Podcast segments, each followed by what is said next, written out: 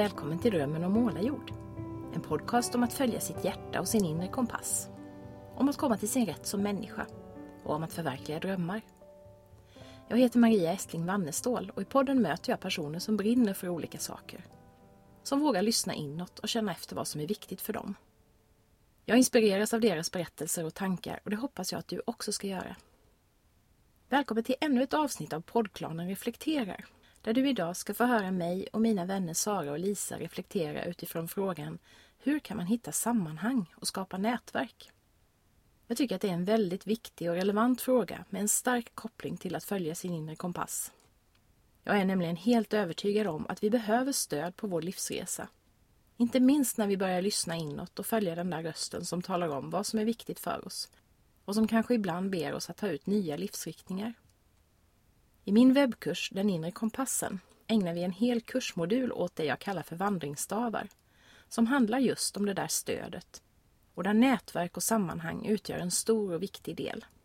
Jag hoppas att du som lyssnar ska ha nytta av våra reflektioner. Varmt välkommen!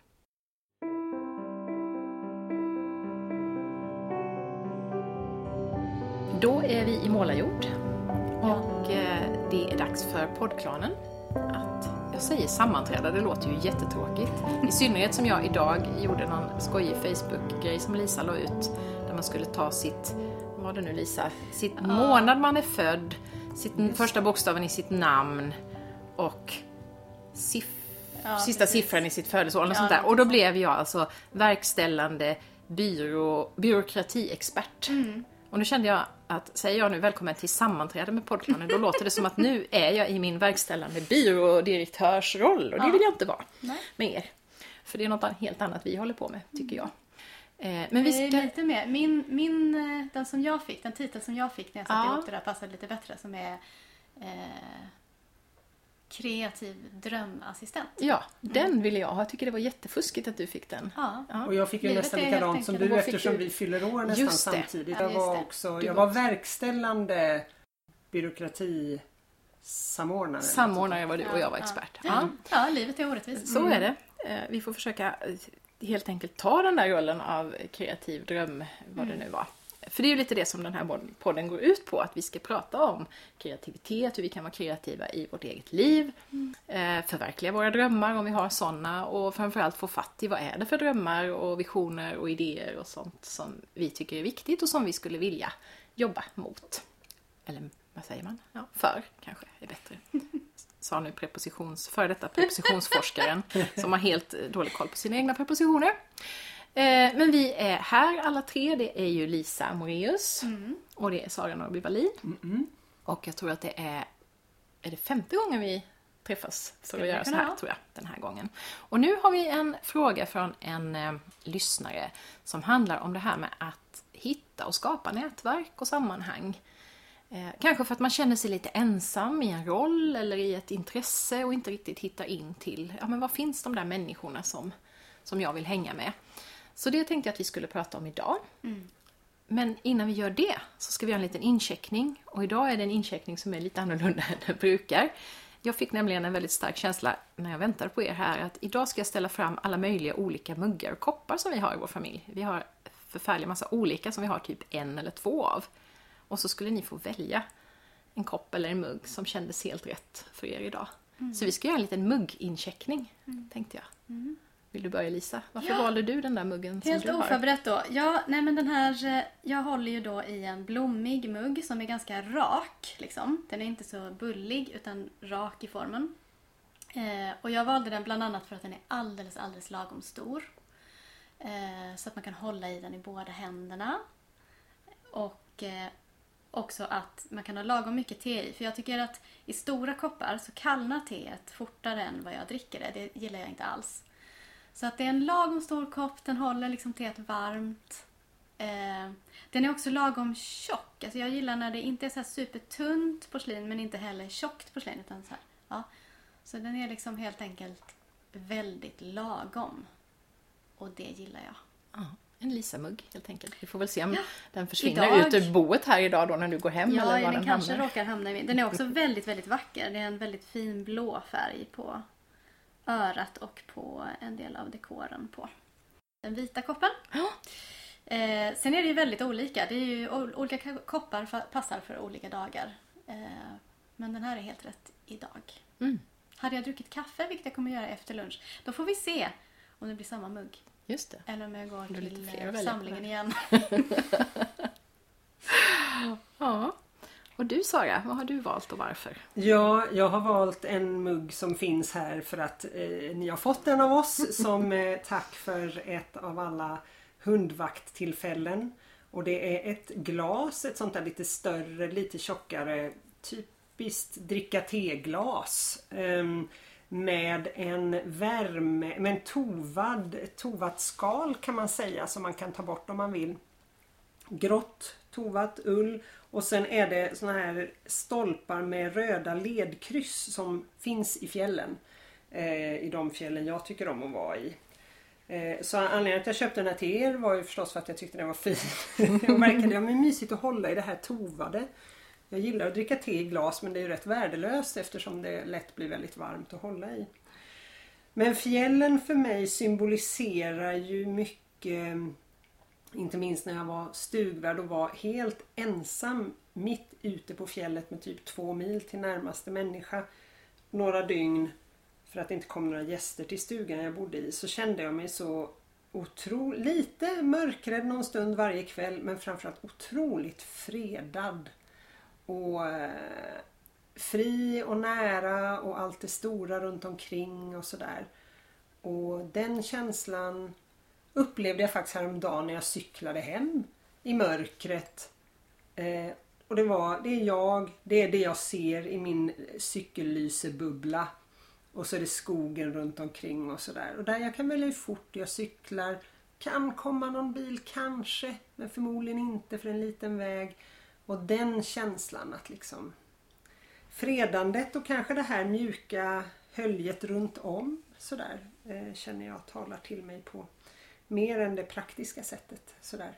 Ja, så någonting med det var det med den här muggen idag. Ja, och jag har valt min drömfångarmugg. Det passar ju bra då med tanke på att vi skulle vara kreativa Assistent. drömassistenter. Den här muggen har jag fått av min dotter Sanna. Och då kändes det lite extra fint att ha den just idag eftersom jag precis igår kom hem från fyra dagar tillsammans med Sanna. Där vi har varit eh, dels på Yasuragi i Stockholm och sen har vi varit i Visby som hon bodde i under några dagar, eller några månader för ett antal år sedan och trivdes väldigt bra i. Och jag åkte och hälsade på henne då för två år sedan, sådär mitt i januari. Det är kanske inte då man tänker att Gotland visar sig från sin vackraste sida. Men det tycker jag den gör, för det är då det inte är knöka fullt med turister. Och det är så magiskt och det var sol och det var fantastiskt. Vi hade jättefina dagar. Eh, så den har jag lite grann för att hålla kvar känslan av Sanna som ju inte bor här längre och jag träffar inte henne så ofta numera. Ehm, och sen är det ju också en mugg som jag fick av Sanna för att hon vet att jag eh, det här var en Maria-mugg, den är jättestor. Jag håller med dig Lisa om att det, det svalnar lite fort.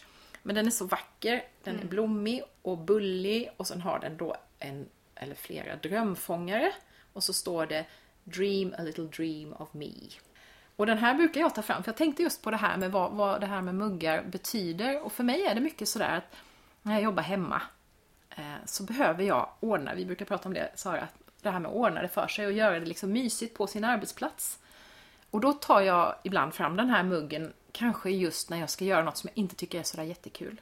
Bokföring och så.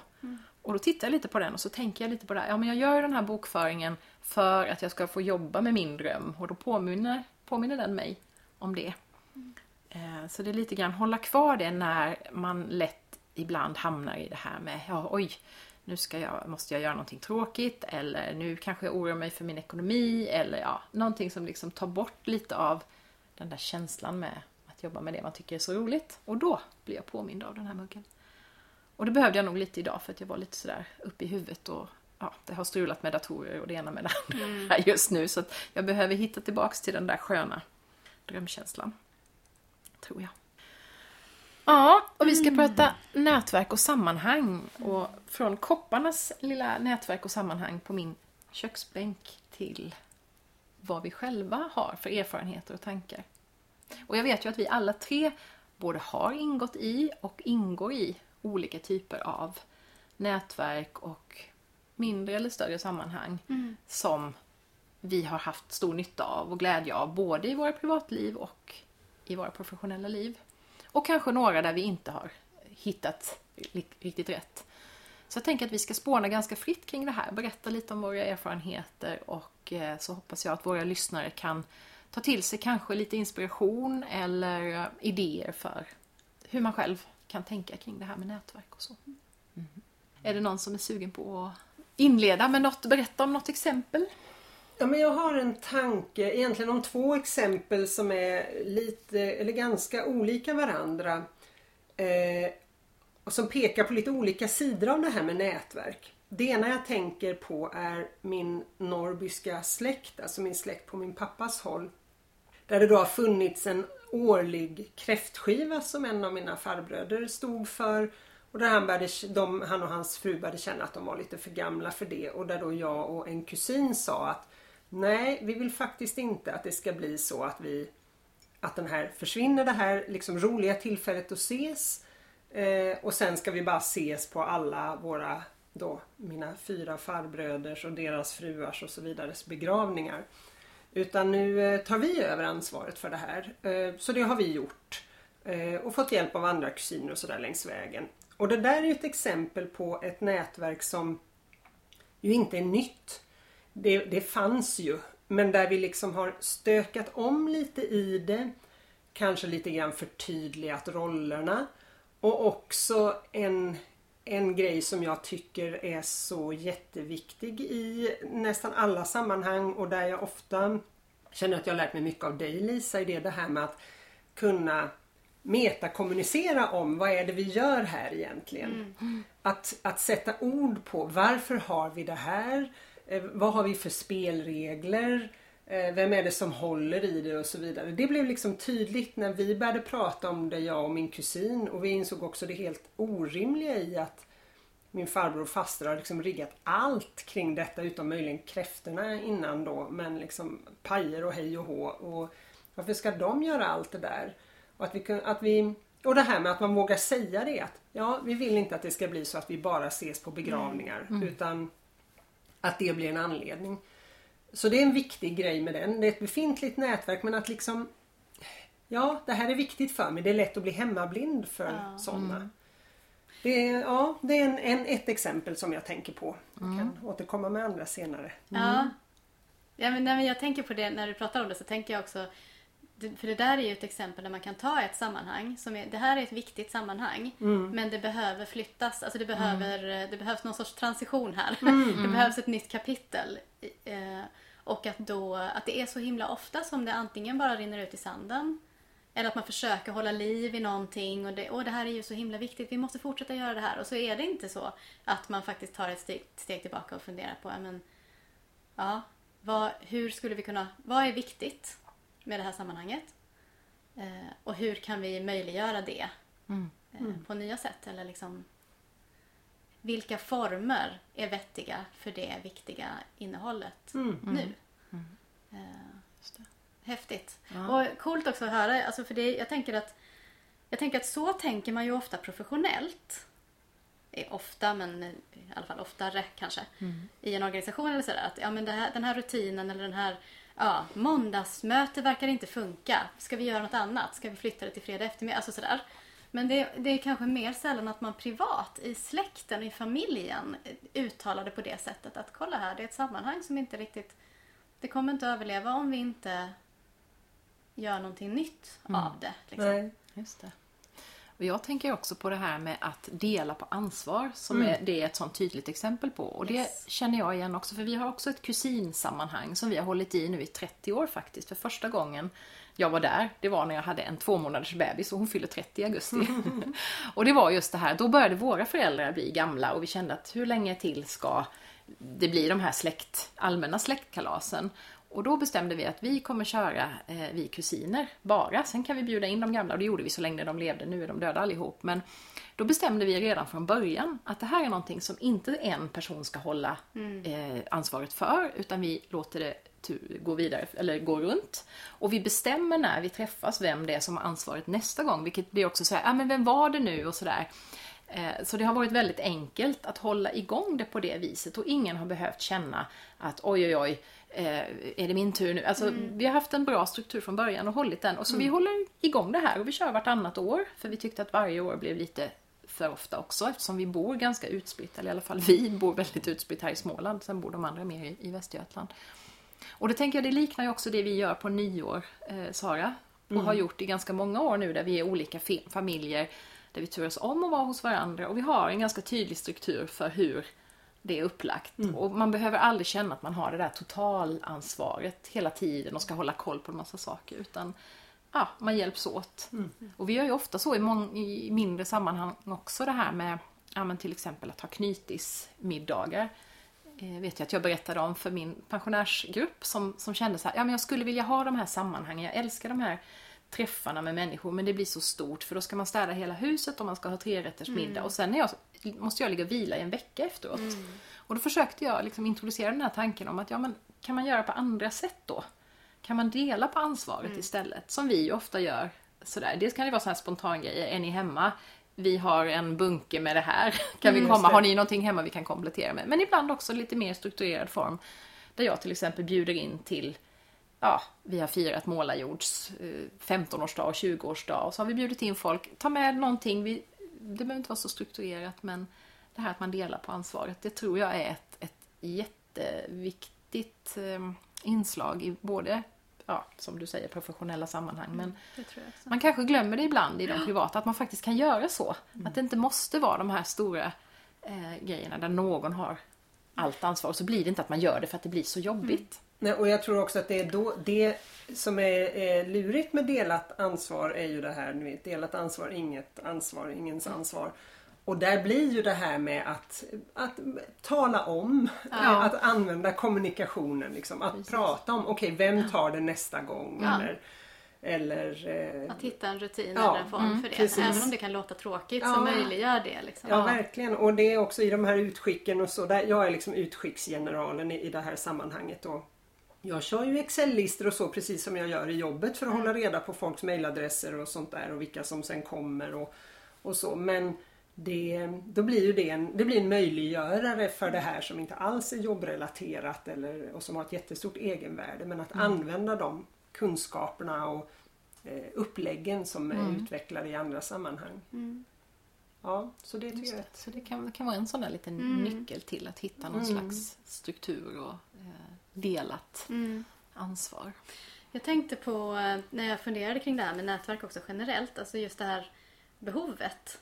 Ehm, varför?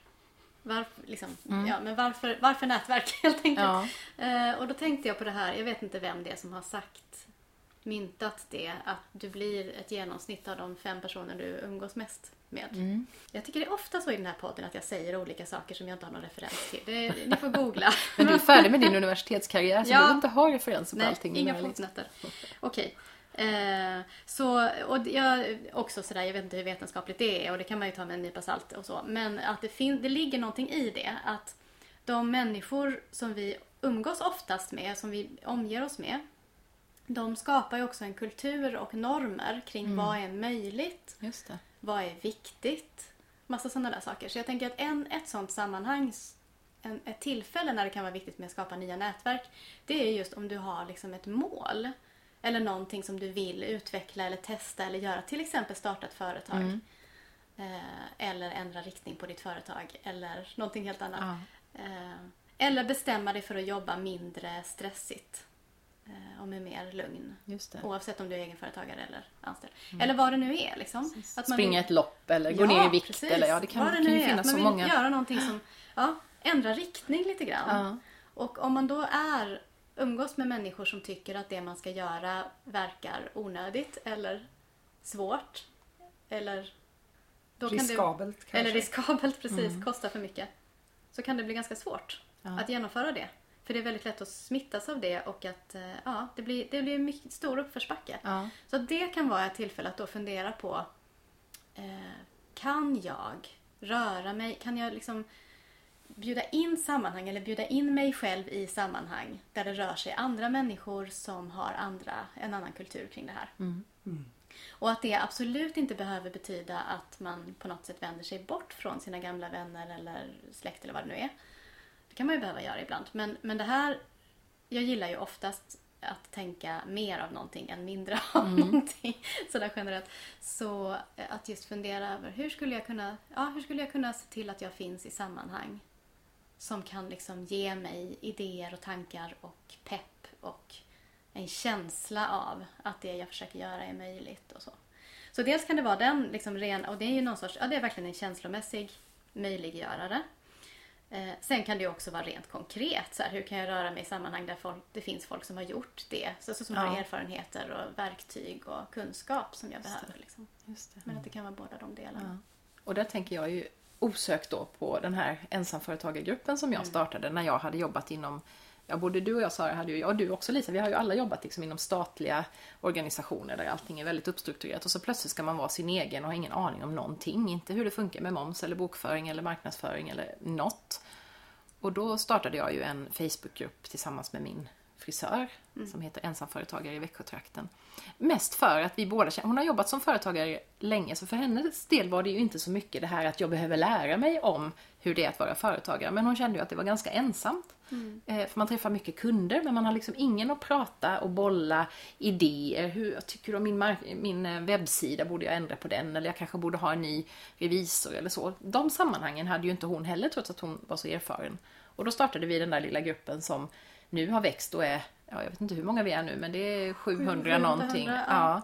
bara i lilla Växjö. Mm. Men det som jag har känt varit så värdefullt med den, det är just att man kan ha någon att ställa de där frågorna till. Och precis som du sa, det här att, att liksom hänga med dem som mm. då är lite på den eh, banan som man själv har valt. Vi var ju eh, en gång och träffade en, en man som jobbade med NLP, neurolingvistisk programmering, som pratade just om det där med att när du har ett sammanhang som du vill, alltså du ska vistas med mm. i de sammanhangen där du vill vara. Du kanske inte är där just nu men bara genom att, att umgås med de människorna så får du liksom det här sammanhanget mm. omkring dig.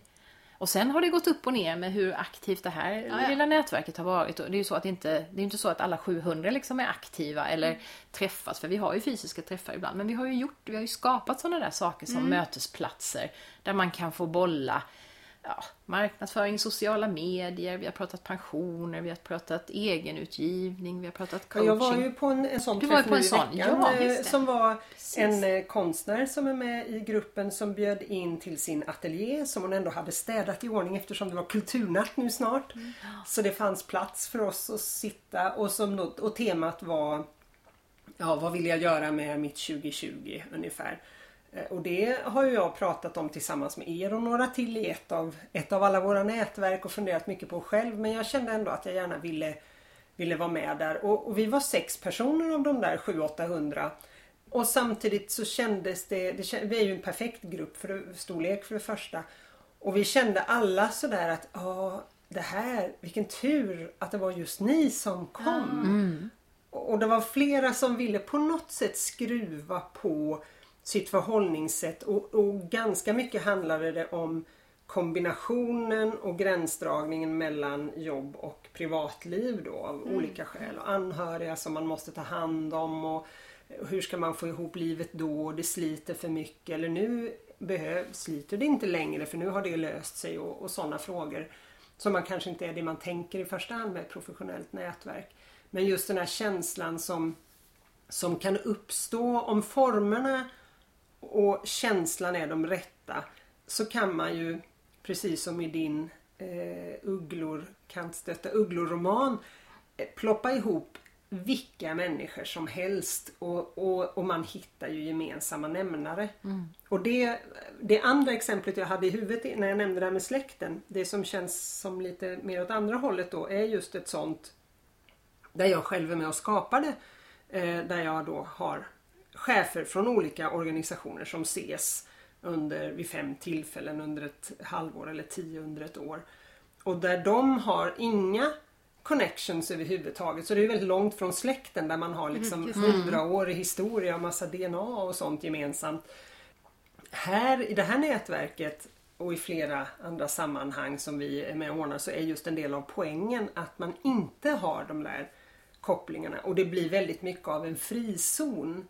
För just till exempel som i det här fallet med chefer. Även om de pratar med sin bästa chefskompis på jobbet så, så måste de hela tiden tänka efter. Om jag säger det här till den här personen, vad får det för konsekvenser? Då kanske den personen också börjar misstro vår chef, vår gemensamma chef och det kanske inte. Så hela tiden måste man göra de avvägningarna. Och har jag rätt att dela med mig av den här Ja, informationen? precis. just det. Eh, Eller framstår jag som svag nu Ja. eller så.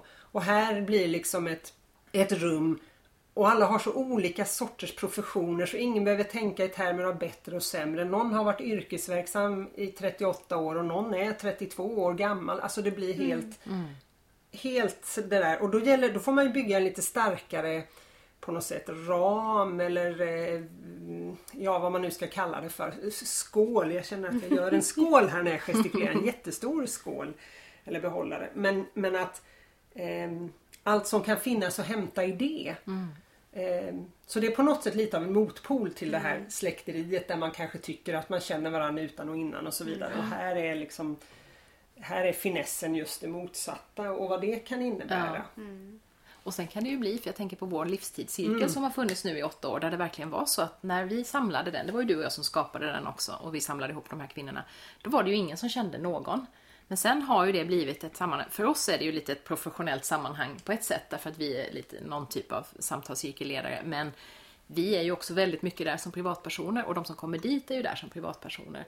Och då blir det ju när man pratar då, där pratar vi inte så mycket, man pratar jobb också, men det är ju också ganska mycket privata eh, händelser eller känslor eller upplevelser som man, man tar med sig. Men det blir ju så, nu har vi ju hållit på så länge så nu har vi ju lärt känna varandra på djupet. Men det är ju inte, heller, det är inte fel det heller, utan det kan ju också, man kan ju också i ett nätverk, det är lite det som att ni har förändrat det här släktnätverket. Den här gruppen har ju också förändrats därför att nu vet vi så mycket om varandra och vi känner varandra på ett helt annat sätt. Men från början var det inte så. Och de där djupa samtalen de fanns där även från början men de kanske blir ännu djupare nu när vi, ja, vi känner oss så trygga med varandra och sådär. Så det är också spännande att se hur ett nätverk kan förändras över tid. Just det. Jag. Och det har vi väl sett i vår, vi har ju vår lilla, den som vi så ödmjukt kallar för genizonen Genizonen. också.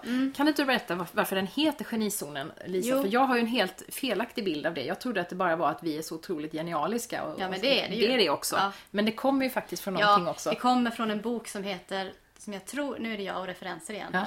Men jag tror ju att den heter The Big Leap. Ja, det Det känner jag låter igen. bekant. tror jag. Mm, jag tror det. Eh, där författaren beskriver fyra olika zoner som man kan vara i. Där du har the zone of incompetence, inkompetenszonen. Eh, det vill säga där du gör saker som du faktiskt inte är bra på.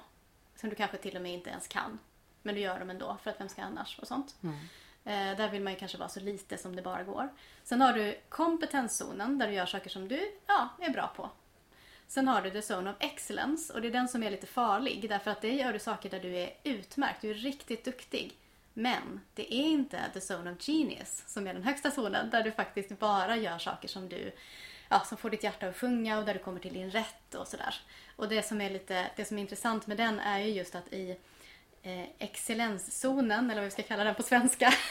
eh, vi alla vill att du ska vara där. För Just det är så himla tryggt när du gör det där. För du är så bra på det och du har ju alltid gjort det. Kan Maria, bara du har ju undervisat nu i grammatik och du får så bra utvärderingar. Så fortsätt göra detta i 20 år Varför till ska nu. du liksom vända och göra någonting helt annat om du inte vet om du är bra? Ja, och så. Medan om man, liksom, om man lyssnar på den rösten som man kan ju ha internaliserat och ha inom sig eller, eller som kan eh, ja, företrädas av andra människor i ens omgivning. Eh, då så ger man inte sig själv möjligheten att faktiskt vara i genizonen. Så därav, det kommer det ordet ifrån. Men vårt lilla nätverk är ju ett antal egenföretagare med liknande... Det är ju, det är ju ett lite, en liten exklusiv grupp där vi har lärt känna varandra. Och eh, jag, jag ser mycket på den som ett, eh, ett gemensamt mentorskap eller vad man ska säga. Ett ömsesidigt mentorskap oss emellan. Liksom. Eh, eller en ömsesidig handledningsgrupp eller hur man nu vill uttrycka det. Liksom, där ingen av oss leder. Alla leder. Och där vi eh, hittar, hittar former för vad vi precis behöver just då. Liksom. Och träffas en sex gånger om året eller något. Något kanske. sånt. Mm. Sex, sju, åtta, någonting. Eh, och skapar en liten bubbla där var och en får tid. Till exempel. Eller där vi gör någonting tillsammans för att stötta varandra. Mm. Eh, Så det, jag tänker att det är, det är så roligt för det är så väldigt många olika typer av nätverk vi pratar om nu. Det är den här släktgrejen som ju kan pågå i evighet. Mm. Eh, och så är det den här ni sex personer som träffades häromdagen.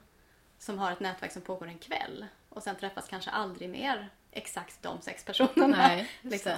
Men det är samtidigt en del av en Facebookgrupp som är ett nät, det här ensamföretagare i Växjötrakten som ju är ett helt löst nätverk. Ja. Utan styrelse, utan ledning.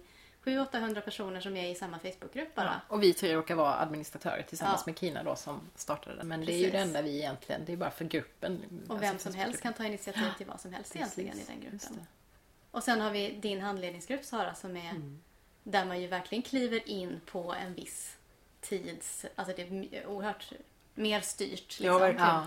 Eh, där man verkligen gör ett commitment och kliver in under en viss en termin. Ja, och jag tänkte på det här med genizoner för jag började fundera på det här. Hur, hur hittade vi varandra? För det, det var ju en sån fråga man kan ställa sig. Var hittar man nu de här människorna då? Hur kan man göra som jag gjorde? Jag startade en Facebookgrupp och sen började vi bjuda in folk som bjöd in folk som bjöd in folk. Så att då, då Ja. kom det ju liksom naturligt. Men genizonen är ju faktiskt någonting som har sitt ursprung i en utbildning som vi tre plus min dotter Sanna har gått. Men som de två som är med nu utöver detta inte har varit med. Men det var ju så den startade. För vi gick ju en utbildning som hette KNUFF och som handlade om kvinnligt företagande inom kreativa näringar. Och där vi gjorde mycket av det där, lite mentors, ja men vi hade ju en, en sån här Google, eh, typ möten på Google och det var, några av oss gick den digitalt, några gick den IRL. Men där vi fick vissa uppgifter, så egentligen fortsatte vi ju med det. Vi sa vi behöver, vi vill ha det här. Fast nu finns inte kursen kvar. Kan vi då mötas och hjälpa varandra. Och vi hade en person som var med men som sen flyttade, som också hade gått den här kursen. Så vi fick ju med oss någonting Alltså vi hittade varandra på det sättet och vi fick med oss någon typ av redskap och verktyg som sen vi har tagit hand om en del av det och sen har vi skapat om den liksom till vårt eget. Jag tror att den hette också, vår grupp hette Miniknuff. Den hette Ja, Miniknuff i början. början, precis. Och sen när vi insåg att nu, nu är den inte kopplad till den Nej. utbildningen längre. så nu har, den, nu har den utvecklats vidare. Och blivit sin alldeles egen. fick den ett nytt namn. Men det är ju häftigt det här tycker jag, det här att man kan, att man kan skapa saker själv. Och Ja. man måste inte alltid veta. Man, man behöver ha någon typ av syfte, ofta. Men det där syftet kan ju förändras och formerna kan förändras och deltagarna kan förändras. Så man måste liksom inte ha allting klart från början. Nej. Och nu kommer jag att tänka på vår tanketrampolin Sara. Ja, den satt jag också och tänkte Den började ju också lite sådär, lite oklart men Och den påminner ju lite om genizonen så tillvida att den, den, det är i den storleksordningen. Vi var fyra personer och att den hade professionellt fokus, professionell utveckling kan man väl säga. Och det fanns ju företagartankar hos alla oss fyra som var med i olika grad. Eh, Men i några av fallen har det sen blivit mer att man har tagit sig vidare i, som anställd liksom, och utvecklats på det sättet. Men där var det ju en av, som inte var du och jag, eh, för en gångs skull inte du Nej. som det brukar vara, som tog initiativ till det här och kände oss andra tre.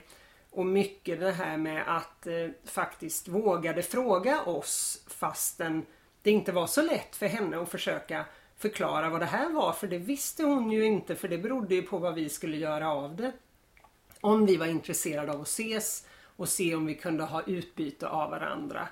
Eh, så där är ju en viktig grej det där att man kan ju man kan, alltså det kostar inte så mycket att slänga ut frågan. Eh, eller slänga ut lågt till vårdslöst. Men, men eh, erbjuda någonting. Mm. Om någon tackar nej så har de ofta ett gott skäl till det som inte handlar om dig. Eh, och, om, och man blir ju ofta väldigt, tänk att du har sett mig och tänkt på mig. Ja. Vi som inte har setts på så länge så även om det inte blir något av det här sammanhanget så har man ändå på något sätt gett lite energi åt den relationen. Eh, och man kanske hittar andra sammanhang längre fram. Eh, så att det var ett väldigt värdefullt nätverk och en anledning till att det är väldigt glest just nu är ju att eh, åtminstone ett antal år nu så har det varit så att åtminstone en av oss jobbar långt liksom utanför stan och vi får, har jättesvårt att få till det med tider och lunchträffar funkar inte och så vidare. Men vi hade ju en period när vi sågs väldigt regelbundet, varannan vecka på lunch. Och vi bjöd in, vi hade något som vi kallade för Heta stolen. Så vi bjöd in någon intressant person. Och ställde frågor, Mm. bjöd på lunch, ställde frågor och det har ju lett vidare till en massa andra nätverk Mm. och det är ju så häftigt också det här att men vi har lärt känna flera av de där gästerna som vi inte kände innan. Vår eh, gemensamma lite informella mentor Karin eh, Bengtsson till exempel som har varit gäst i podden också. Mm. Ett sånt exempel. Karin Leosson träffade vi också där. Hon har också varit gäst i podden. Och det, har, det tycker jag är så fint också Det det, är här att man kan Mm. fånga upp relationer. Och sen en dag så, så funkar det inte den formen längre. Och då är det ju också viktigt det här att inte heller låsa fast sig. Nej men nu kan vi inte ses för nu har vi inte möjlighet att göra det på det här sättet. Utan ja men då får vi omforma det. Nu kanske vi ses ett par gånger per år. Eh, och inte med det här väldigt strukturerade fokuset då, som vi kanske har mer av i genizonen nu då. Men just det här att saker och ting, de har en, ibland en tid. Och sen kan de formas om till någonting annat. Men då kommer jag att tänka på ett nätverk som ju är högaktuellt för oss alla tre just nu. Så är det ju den Facebookgrupp som du har startat Maria som är kopplad till att vi alla tycker väldigt mycket om en och samma yogalärare på eh, Youtube som heter Adrienne. Och eh, där hon då i början av varje år har en 30 dagars utmaning. Alltså där hon lägger upp ett pass om dagen i 30 dagar. Eh, och eh, som jag brukar ibland ta ett halvår på mig och, och gå igenom en sån serie och lite olika men, men där du bjöd in ett antal, jag vet inte hur många vi är med där Men nu är vi 25 och förra, jag gjorde det här förra året också. Då var vi eh, typ fem i gruppen och två som var aktiva. Så Ja. har, i år blev det plötsligt, ja då var det plötsligt läge och att det skulle växa och bli något mycket större. Och där är det lite olika just det, det, det här kan ju bli också en det kan ju dels bli en prestationsgrej att ja men nu, då vill jag verkligen göra varje pass varje dag när de kommer och så. Men det har ju verkligen varit gruppens intention är ju att det, det ska vara ett forum för oss som gör det här om vi så tar ett halvår på oss precis. eller mer. Eh, Men det har ju blivit otroligt mycket roligare att eh, göra de här passen för att det finns någonstans att det finns någonstans att eh, berätta om eh, jag till exempel ska lägga ut en bild på mitt bästa tjuvknep för att eh, testa kråkan utan att slå ihjäl sig om man misslyckas till exempel. Ja, det ser jag fram emot. Ja. eh, Jag också med skräckblandad förtjusning. Men sådär. Så att det är liksom är, det blir då är man plötsligt, då är jag i ett sammanhang även när jag är helt ensam på yogamattan. Det är inte alls alltid jag känner att jag saknar ett sammanhang då. Och det kanske jag inte alltid vill ha men under, det är perfekt att ha det så här under en period. Eh, och jag har liksom tänkt, åh jag kanske skulle vilja bjuda det här gänget på fika hemma i glasrummet där jag yogar. Eller så. Eh, Precis, och vi kom ju på en rolig grej för det var någon som la ut en bild på någon som hade lagt sig i barnet i en mataffär och så skrev hon, ja min yogalärare sa att ta till barnet när du behöver det. Och hon gjorde det när hon var i mataffären och blev stressad och då sa jag vi kanske skulle göra en flashmob. Att vi någonstans allihop går och lägger oss i barnet. Ja. så att det kan ju växa massa roliga knäppa idéer ur det här. Och just det här att det finns en öppenhet där man kan känna att Alltså nu är jag, nu är jag arg på mig själv för att inte jag har yogat det där passet som någon skrev häromdagen. Vad, vad står det här för? Hur gör ni med det där med acceptans och prestationsångest och sådana saker? Och så blir det en jättefin diskussion Ja. kring det. Så det föder ju ofta någonting mer än bara det som kanske var det ursprungliga syftet, att bara peppa varandra lite grann. Men det kan bli väldigt fina Det samtal. som är jätteviktigt för mig i den gruppen och som är anledningen till att jag klev in också. Det är ju att du satte en väldigt tydlig intention från början som handlade Mm. om att här är det bara pepp. Här är det bara, vi här är vi bara jätte, jättesnälla mot varandra. Ja, Eh, Och att det inte handlar om prestation. nej. Och ja, det är... Så den eventuella prestationsångest, den, den finns hos en själv. Det är ingenting som man ska få av någon annan och därför är det ju viktigt också att man lägger ut också och Ja. talar om att nej men nu ligger jag efter här så nu Ja. har jag, håller jag inte alls det där schemat Nej, och att, att det är helt okej. och det Och kanske- alla gör olika och Ja. vi påminner varandra om det också. Precis, och vissa är bra på vissa grejer och vissa jättesvårt Precis. för andra och sådär. Så att, ja. Eh, nej men jag, tänk, och jag tänker att det är en sån nyckel när man startar ett, ett sammanhang att det kan vara smart att tänka för dels finns det ju innehåll och det finns form och det finns liksom vilka människor ska vara med. Men det finns också någon sorts så här, vilken kultur vill vi ha? Ja, vilken Ja. ton. Ja. Just det. Precis. Vad är Och det vet jag ju när jag startade det här ensamföretagen, det stora ensamföretagarnätverket. Då hade jag ju erfarenheter från en annan grupp där jag kände att oj, folk var så rädda Mm. för att oj, vad lägger jag ut här nu och vad kan jag och sådär. Så då sa vi väldigt tydligt att här har vi högt i tak. Här är det viktigt att känna att man, man behöver inte vara så rädd för att... Nej. Sen har vi fått styra upp det lite mer för när man blir väldigt många i ett nätverk kan det ju bli så att man behöver strama upp reglerna lite mer och sådär. Men att ha den där intentionen att ja, men det här ska vara någonting som vi, som vi mår bra i. Där vi inte känner oss liksom så här, vågar jag lägga någonting här nu? Eller får jag... Att vi får ta bort om det här är fel Ja, med. alltså vissa grupper Ja. är det ju sådana inlägg hela tiden och då får jag lite sådär obehaglig känsla i magen. Då känner man ju sig inte välkommen där. På något sätt. Det är ju man kan ju ha liksom- väldigt tydliga syften med någonting. Det handlar ju otroligt mycket hur gör man den där gränsdragningen Ja. eller påminner om den. Det är jättebra att ha så tydligt från, som möjligt från början. Sen som sagt får man kanske justera eller man, något man inte har tänkt på eller så. Mm. Men sen också hur agerar man då som admin eller som med eh, deltagare om man Mm. märker men är det här verkligen okej? Alltså man kan säga att ja, jag undrar om det kanske finns något bättre forum för det här Mm. frågan eller eh, det beror så för det Just mycket av de här nätverken har ju väldigt stor nytta av sociala medier, Facebook till exempel. Även de här som vår genizon. Vi ses ju fysiskt men vi har ju också en Facebookgrupp där vi kan ösa ur oss både det här jag känner mig bäst i världen just nu eller skit nu gick det här uppdraget åt skogen och så. Eh, men det finns ju också så många som har så negativa erfarenheter av sociala medier och där, där man, det blir på något sätt något slags utlopp för folks frustration och ilska att hitta någon som gör fel och verkligen dunka ner den Yes. ordentligt. Och där i de sammanhangen Ja men då blir det lite det här att även om det här är rätt människor inom citationstecken kanske professionellt eller på många andra sätt så är det kanske inte rätt forum för mig för att man har inte den tonen som Nej. gör att jag kommer till min rätt, kan närma mig min genizon. För att är jag rädd så, så kommer jag aldrig i närheten av Nej. den. Nej, just det. Ehm, Jag tänkte på det när du sa med sociala medier så tänkte jag just om man sitter sådär och känner att ja, jag skulle så gärna vilja men jag vet inte var jag ska hitta de här människorna. För det tror jag man ibland känner. Kanske särskilt om man bor i en lite mindre stad nu som Sanna, min dotter som har flyttat upp till ett sammanhang där hon inte har några nätverk alls. Och var börjar man och sådär. Och där tänker jag just att sociala medier kan vara ett sätt. Det har ju fått igång mycket av de här grejerna som vi ingår i. Idag har vi faktiskt hittat varandra i sociala medier. Och där tänkte jag på bokcirkeln som vi alla tre också, vi har ju många gemensamma sammanhang. Där har vi ytterligare ett där vi alla tre är med. Men där jag gick i flera, flera år och kände där, och jag skulle så gärna vilja ha en bokcirkel, men, nej, men jag vet inte och alla är redan med igen och tänk om jag frågar och folk säger nej och det kändes så jobbigt. Och så skrev jag om den frustrationen på min blogg, varpå en vän skrev, åh, det här har jag också velat. Och då kände jag, ja men då kan jag lägga, och så la jag ut en, efter, en väldigt öppen öpp- efterlysning på Facebook då. För det kan ju, ibland kan det ju kännas som att man vill inte liksom, ibland är det jättebra att våga fråga direkt, men ibland vill man bara öppna för att ni som är intresserade. Och då gjorde jag en efterlysning på Facebook och så tjoff tjoff så var vi åtta stycken liksom. Så att det här att, att man kan använda sociala medier till att hitta Ja, för att starta de här nätverken också. Eh, om man känner att man kanske inte har, för det är inte alla som har så många. Jag har ju haft perioder i mitt liv när jag inte har känt mycket folk. Just nu gör jag det. Och det är mycket via ensamföretagargruppen. Men det är mycket tack vare sociala medier som jag har hittat människor.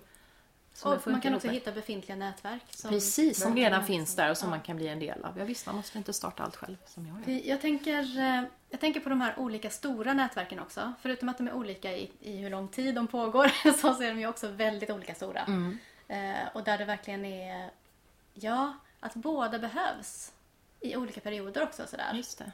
Eh, att jag, ja, jag har just, just precis nu så har jag en period där jag inte längtar så mycket efter jättestora nätverk. Eh, andra tider i mitt liv så är det tvärtom. Att jag tycker att det är underbart att vara på stora konferenser till exempel och vara med i nätverk som är. Eh, så att, ja, att liksom fundera över vad är det för olika behov eh, och att de olika nätverken och olika grupperna får, ha, får tillfredsställa olika behov i ens liv. Och att inte heller vara rädd för att, inte tänka att alla nätverk måste vara likadana liksom, utan nej men nu vill jag skapa en pytteliten exklusiv grupp där vi inte bjuder in alla andra. Ingen får bjuda in någon ny. Det ska bara vara de här personerna. Eh, Så att jag tror att våga sätta ramar och hålla de ramarna eh, kan vara en, en sån att ta med sig om man vill skapa ett sammanhang som, vad är det som saknas? Är det liksom är det känslan av att liksom mingla och vara i ett myller av människor som kanske har, där vi har gemensamma intressen? Ja, men då är det kanske ett stort nätverk man ska gå med i. eh, som redan finns. Just det. Eller så får man skapa det själv. Ja. Eh, eller är det så att nej men nu är det ett litet sammanhang där vi lär känna varandra och hittar ett sätt att stötta varandra på exakt det sätt som, som passar just oss. Just det. Och hur kan man skapa ramarna för det? Och då tror jag att det kan vara smart att, eh, att inte tänka så långsiktigt från början utan tänka okej, men vilka människor är det som jag skulle vilja träffa och bara typ äta middag med en gång? Mm. Och så kan man känna efter, ja men det här kändes ju roligt, ska vi äta middag en gång till? Precis. Så. Och det finns ju sådana som, som gör det här lite systematiskt, som bjuder in personer som man inte... Jag vet att vi, vi skulle på... Jag var nog själv på en sån som vi, både du och jag blev inbjudna Sara, för några år sedan. Någon kvinna som, som ordnade såna här träffar. Hon bjöd in lite sådär, men det var olika människor varje gång.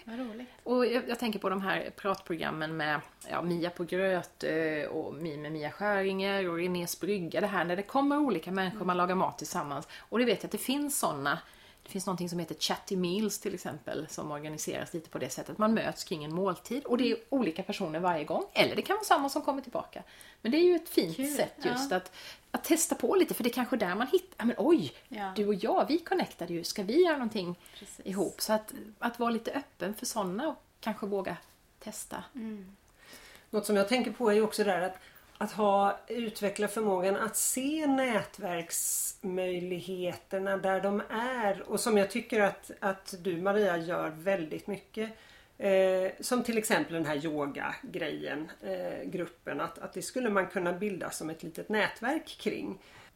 Och där tänker jag på, jag skrev ett inlägg på Facebook för några veckor sedan när jag tyckte det var tungt som tusan att dra igång med, med rutinlivet igen efter jul och jag kände mig lite stressad och sådär. Och skrev om ja, ibland är livet inte så himla roligt och sådär. Eh, och i och med att jag skrev det så blev livet lite roligare, det är ju ofta så. Men i alla fall så, så skrev jag det inlägg som var ganska öppet och som fick, och fick otroligt mycket för att vara i min liksom, Facebook-bubbla. Kommentarer och folk som liksom drog igång samtal och det var allt från gamla kompisar från nian som jag är Facebook-kompis med sen vi var på någon återträff för tio år sedan och, och jobbkompisar och alla möjliga. Och sen eh, eh, utifrån det så tänkte jag hmm, då väcktes tanken hos mig, undrar om det finns ett intresse av att liksom prata om, om det här IRL. För det, det, det har en tydlig koppling till utmattningsproblematik, känsla av ensamhet, otillräcklighet och sådär. Så då började jag luska lite i det och gjorde ett evenemang som ett antal ett eh, en fysiskt evenemang då med en inbjudan på Facebook som jag inte har bjudit in någon till men jag har liksom lagt upp det här och där och så fick det några sådana där kanske-anmälningar och nu hörde jag av mig till dem och sa att ja, alltså jag vill ju gärna veta om det blir vi behöver vara minst två för att den här träffen ja. ska bli av. Så jag vill gärna veta om det är någon av er kanske som faktiskt tänker komma. Och då var det ju det. Så nu ska vi ses en, en after work-fika en fredag eftermiddag. Eh, så får vi se vad det blir. Och det är, också, det är ju verkligen en så här bara en försöksballong men där jag har sagt ja men jag håller i trådarna så att det finns en slags form. Så att man behöver inte känna sig så orolig när man går dit utan man kan känna att någon sköter det här och föreslår ett upplägg som jag kan ta ställning till i alla fall. Och vad det blir, om det blir en engångsträff eller om det finns någonting där. Jag tycker ju att det här behovet verkar ju vara stort hos många. Ehm, så får man se det. Men det är också att, att kunna se det där och våga göra en, en försöksballong.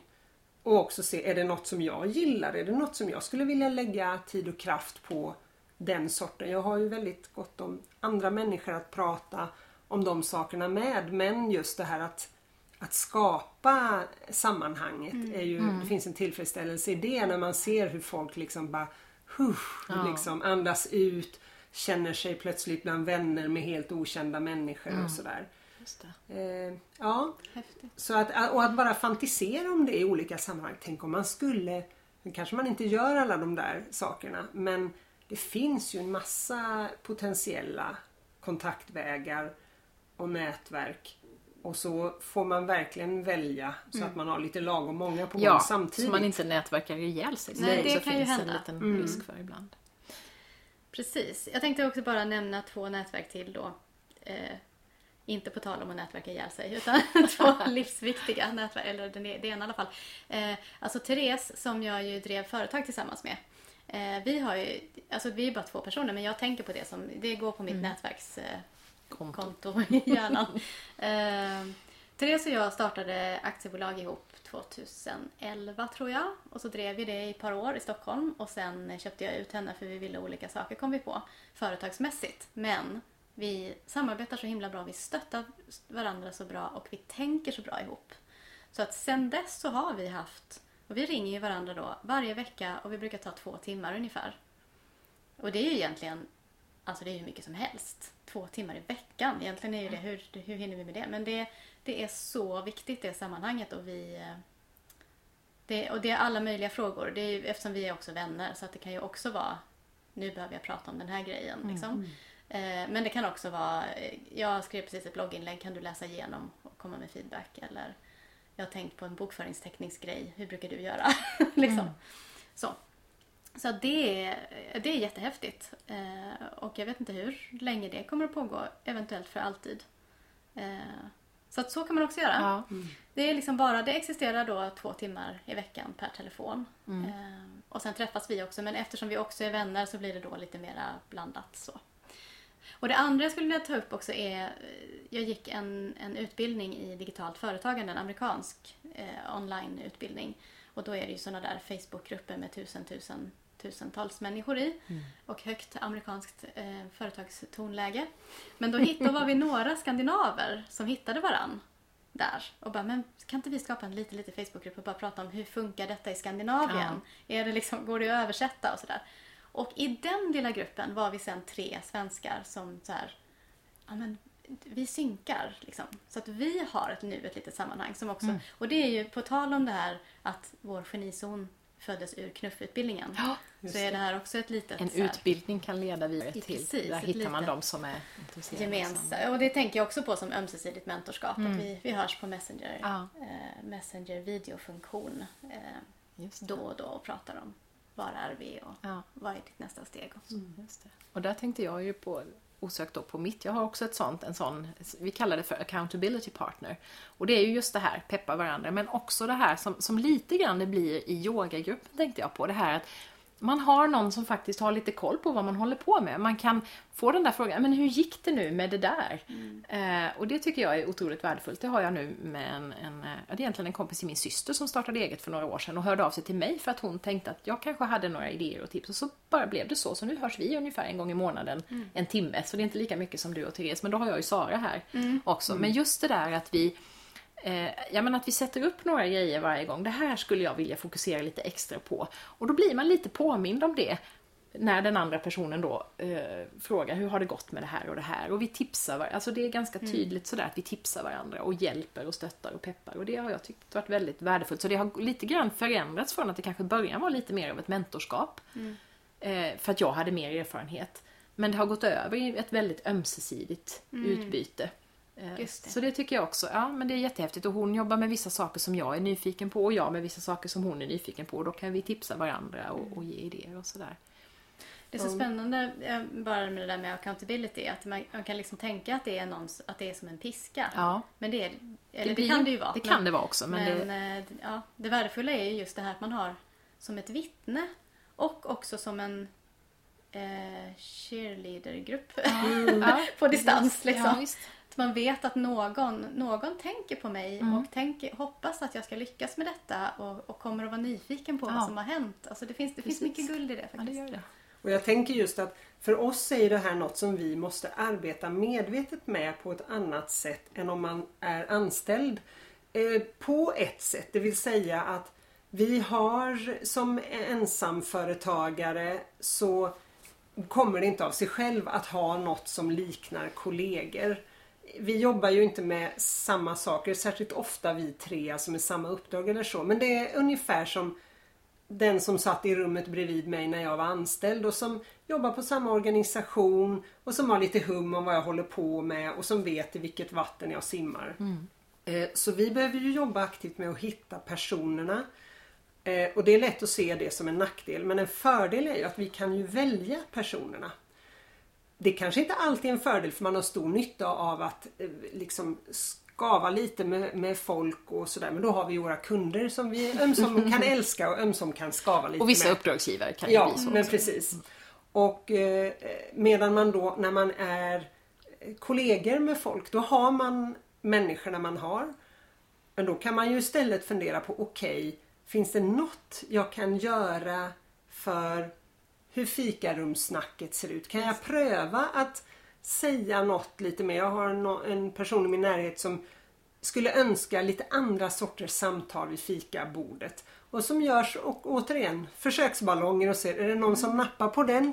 Nej, den seglade vidare obemärkt. Vi hamnade tillbaka i tv-serierna som jag aldrig tittar på. Okej, okay, jag gör ett nytt försök nästa vecka.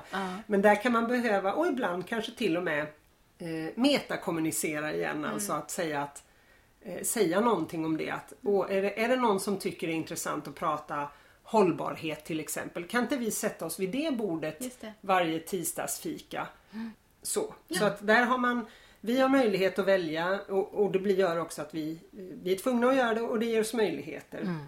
Eh, och så finns det något annat då när man har ett ännu tydligare och fastare sammanhang. Mm. Så att det går verkligen att använda de här tankarna oh, även ja. där. tänker jag. Ja, och jag tänker också att det kan vara otroligt värdefullt att skaffa sig ett nätverk utanför ja. sitt jobb. Ja, absolut. Till exempel med någon som jobbar med, har samma roll fast mm. på ett annat ställe. Ja, precis.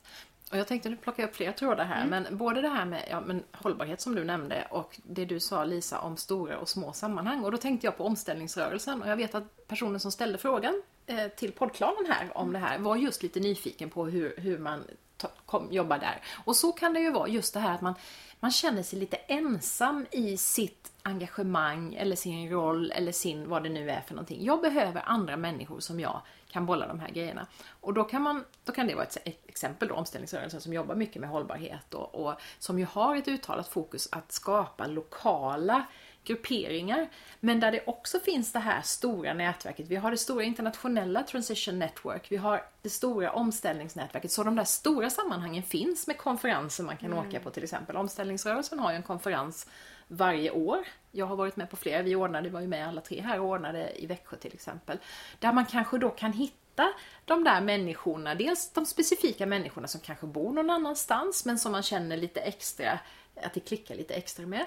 Eller så kanske det gör att man hittar det där lokala mm. nätverket. Och i det här fallet så var det ju så att eh, det, jag tror att det var din man Per och någon till som startade igång en lokal grupp. Men det fanns liksom en större organisation runt omkring. Och det kan ju vara en fördel ibland. Att det finns någon typ av paraply. Att man inte behöver uppfinna allting själv. Som vi ju gör när vi skapar de här ja, mer väldigt egendrivna nätverken. men där det kan finnas ett paraply som man kan ingå i. Men man kan också skapa antingen en digital eller IRL community av något slag. Mm. Just för att få känna det här att det finns fler som tänker som jag, det mm. finns fler som vill det här som jag vill. Jag är inte så ensam om jag sitter i fikarummet och det bara pratas tv-serier när jag vill prata hållbarhet och man kan mm. bli galen liksom. Just det här, var finns de människorna då?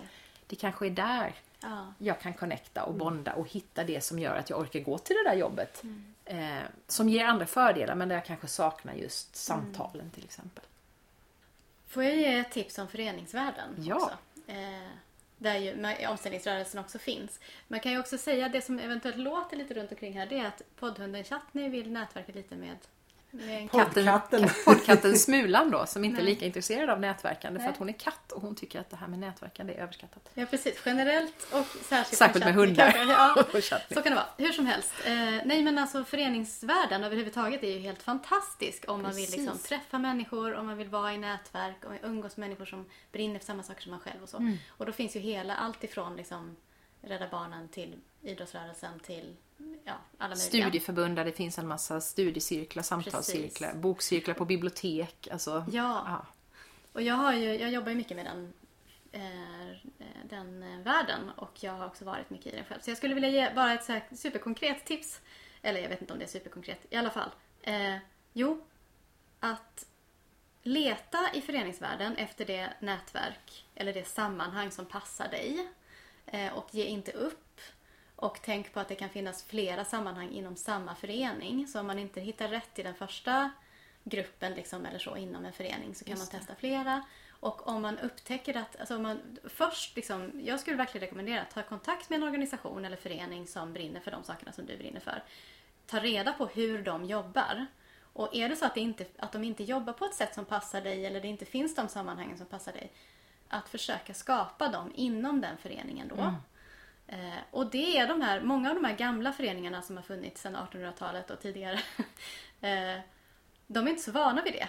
De är, ibland är de vana vid att det finns en verksamhet i en stad som hänger ihop med den föreningen. Men jag tror att också, jag säger detta även för föreningslivets skull, alltså för att de organisationerna ska överleva tror jag att det behövs finnas flera verksamheter inom liksom, Och just att vara lite mer som omställningsnätverket, en möjliggörare och någon slags grundstöd men mer öppen för vad som poppar upp. Ja. Och det tycker jag att många studieförbund jobbar väldigt Jag tänkte aktivt just på det. Ja. Studieförbunden är Mm, jättebra. precis. Och där, där kan ju precis det där vara viktigt att tänka på då att okej, om jag tittar på det här studieförbundets utbud så kanske jag inte hittar det jag vill ha. Så det kanske Exakt. verkar som att de inte håller på med det här. Men att studieförbunden ofta är väldigt glada för initiativ till olika former av studier. Jag menar när vi började med livstidscirkeln så vände vi oss bara till Sensus för att, egentligen för att vi behövde en lokal. Och det var inga som helst problem. De tyckte det här var jättekul. Nu har vi hållit på där i åtta år. Och det är en del av deras verksamhet nu. Men det var ju ingenting som fanns där innan. Och så kan man ju göra med, ja men jag har hittat en bok som jag skulle vilja dela med andra mina tankar kring. Jag vet att vi jobbar ju lite så med den här Aktivt hopp som Sanna och jag översatte till exempel. Eh, att där har man ju startat med studiecirklar då för att man ska kunna träffa andra och prata utifrån ett material. Och då kan det ju vara en kort period, det kanske bara är medan vi läser den här boken. Eller så kanske man hittar varandra där och så kanske man startar en egen bokcirkel eller gör någonting annat ihop. Så just det där att, att våga testa lite olika saker och sen se lite, vad blir det av det här då? Ja. Och att inte ta liksom, för det kan också vara så om man går till Röda Korset eller Rädda Barnen eller Amnesty eller vad det nu är. Eh, och så säger de, jaha, och så kommer man med en idé och så säger de, nej så brukar vi inte jobba. Nej. Att man inte ger sig då. Nej. Utan att man säger, fast skulle vi kunna prata lite om hur det kanske skulle kunna. Eh, och så kan man faktiskt hjälpa till att vitalisera Ja, eh, de det. föreningarna. precis. Alltså det finns ju så många olika sätt att jobba med nätverk och sammanhang. Men det handlar nog väldigt mycket om det här ja, men att våga fråga, att lite envist leta och det, när man inte hittar det man eh, kanske trodde att man skulle hitta från början. Att använda de resurser man har. Att man går kanske på en konferens och så hittar man några personer där som man sen kan, eller en utbildning eller någonting sånt. Att använda sociala medier om man är i sådana sammanhang för att efterlysa, hitta befintliga grupper, skapa egna. Så det finns ju egentligen oanade möjligheter. Och eh, alltså Sverige är väl ändå, jag tänker på föreningsliv och studieförbund och folk, alltså vi har ju en tradition av ja, men en folkbildning som inte bara handlar om att någon kan och förmedla till någon annan utan att vi har också väldigt mycket den här starka traditionen av att vi lär tillsammans till exempel. Vi tar, drar nytta av varandras kunskaper och egenskaper och gör grejer ihop. Och det, Cirkelformen, Cirkelformen. och förenings, alltså det demokratiska föreningslivet. Det är ganska unikt. För. Det är häftigt. ja. Och så att man också får välja bort. Ja, för det kanske finns sådana. Ska vi avsluta med, det kanske är tråkigt att avsluta med negativt, eh, negativa erfarenheter men det kan ju vara bra ibland också att Ja. påminnas om det. Att allt är ju inte för alla eller man trivs inte i alla former. Har ni några sådana exempel? Nej men jag skulle, alltså dels det jag sa som sagt att, att jag just nu inte är så himla intresserad av att, att eh, ingå i allt för många nätverk som, som är stora eller halvstora. Utan just nu dras jag mer till mindre sammanhang. Att lyssna på den rösten. Just det. Eh, och att det kan vara tillfälligt. Liksom, Ja. och, sådär. Eh, och det andra är just att om man har skapat ett sånt här litet sammanhang och man känner att ja tonen, samtalet, det är inte riktigt, det är någonting som skaver så att också eh, dels att kunna ta upp det. Så här, hörni, kan vi prata om vad var syftet med det här egentligen? Vad- så. Eller att man också har rätt att lämna sådana sammanhang. Att om man känner att och det, att det inte behöver vara så dramatiskt utan det kan Nej. vara så här, det här var precis vad jag behövde kanske och nu är det inte det. Nej. Och då är det också okej. liksom. Precis. Och det är, ju, det är ju egentligen det som hela podden handlar om också. Det här att våga lyssna på den där rösten då och inte känna att Nej, men nu kan jag nog inte dra mig ur här för då kanske jag gör någon besviken. Eller här borde jag vara med därför att nu är jag egenföretagare. Då Exakt. måste jag gå på Nyföretagarcentrums alla mingel fast jag egentligen inte trivs där. Så kände jag i början att oh, jag måste ju vara med på det här och det här. Och så var jag det en period och sen insåg jag att nej det här var inte för mig och då är det okej att steppa tillbaka och, och Det är det där FOMO, fear Ja. of missing out. Just det. Och jag tänker just på det att det är ju Hela det här samtalet blir ju ganska av naturliga skäl utåtriktat. Eh, Alltså det handlar om vilka vi träffar utanför. Men det är ju ni är inne på det med att lyssna på den egna rösten. Eh, och den är ju ofta inte en utan den är ju också, där inne är också ett litet nätverk av alla möjliga konstiga figurer. Um, jag hörde, skrev precis någon, med någon på Facebook där jag pratade om barnet inom en och domaren och, och den personen hade en genuin hjort. Mm. Om, jag vet inte, men, och någon predikant också. Jag ja. uppfattade det som att det var sådana delar som han liksom... Och du har ju definitivt någon sorts form av byråkratsamordnare. Ja, ja uppenbarligen. Så att um, det behöver också få lite tid. Jag tänker på det här med artists date som, mm. som vi har pratat om i något sammanhang. Att, att, liksom, att ta en dejt med sig själv. Eh, antingen som bara sig själv eller att man faktiskt försöker tydliggöra vilka är de här olika rösterna här inuti. Kan ni komma fram och presentera er och vad är er ståndpunkt eh, i en viss fråga eller så. Att, att, eh, för det det gäller ju att land, ha utgångspunkten i sig själv när mm. vi söker oss utåt ja. och att växla mellan. Det är två ganska jämnstora fötter för annars kan vi lätt hamna i att vi Nej det var inte rätt nätverk. Åh, så söker jag vidare. Men jag kanske, mm. då kanske jag behöver backa hem och fundera på vad är det jag faktiskt söker? Mm. Är det det att jag har fått för mig att jag ska starta företag men jag vill egentligen inte det. Då kvittar det hur många företagarnätverk jag letar efter för det kommer aldrig att bli rätt. Ehm, så det är väl ett, ett medskick i den, det där med vad som känns bra och mindre bra i nätverk. Att det viktigaste är ändå att försöka grunda det i ens egen, i ens mm. egen person på något vis. Mm. Mm. Ja, det tycker jag var en väldigt bra avslutning på det här samtalet. Slutord. För det Sara. Och tack både Sara och Lisa för att ni ville komma hit igen. Tack, tack så att vi får sitta här och får favoritkopp och allt. Ja. Mm.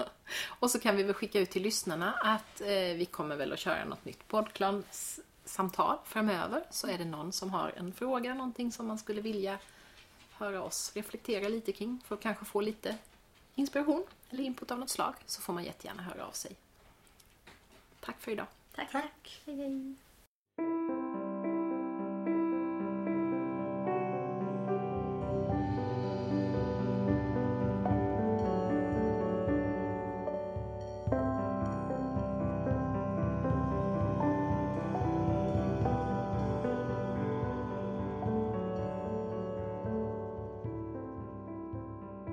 Ja, precis som vi pratar om i vårt samtal kan nätverk och sammanhang se ut på väldigt många olika sätt och ha väldigt olika funktioner. Det de ändå kan tänkas ha gemensamt, i alla fall om det handlar om den typ som vi pratar om i det här poddavsnittet, är att de på ett eller annat sätt ger något positivt till oss, oavsett om det är på det privata eller professionella planet. Det kan vara allt ifrån kunskap och inspiration till pepp och gemenskap. För mig har de nätverk och sammanhang jag ingår i kommit att bli livsviktiga. Det är där jag växer, både som människa och företagare. Det är där jag hämtar stöd och tröst när livet gör ont. Jag skulle definitivt inte vara där jag är idag, varken privat eller professionellt, om jag inte hade haft det stöd omkring mig som jag nu har. Och till stor del är det faktiskt jag själv som har ordnat det så bra för mig. Genom att aktivt söka upp befintliga sammanhang, genom att ta emot utsträckta händer och genom att själv skapa de nätverk jag saknar. Jag skulle vilja avsluta dagens poddavsnitt med att skicka med dig en fråga. Känner du att du har tillräckligt av givande sammanhang och nätverk i din vardag? Och om det inte är så, hur skulle du kunna gå tillväga för att få det? Vad skulle du vilja testa? Finns det något litet steg du skulle kunna ta redan idag eller imorgon? Stort tack för att du har lyssnat och varmt välkommen tillbaka. Hej då!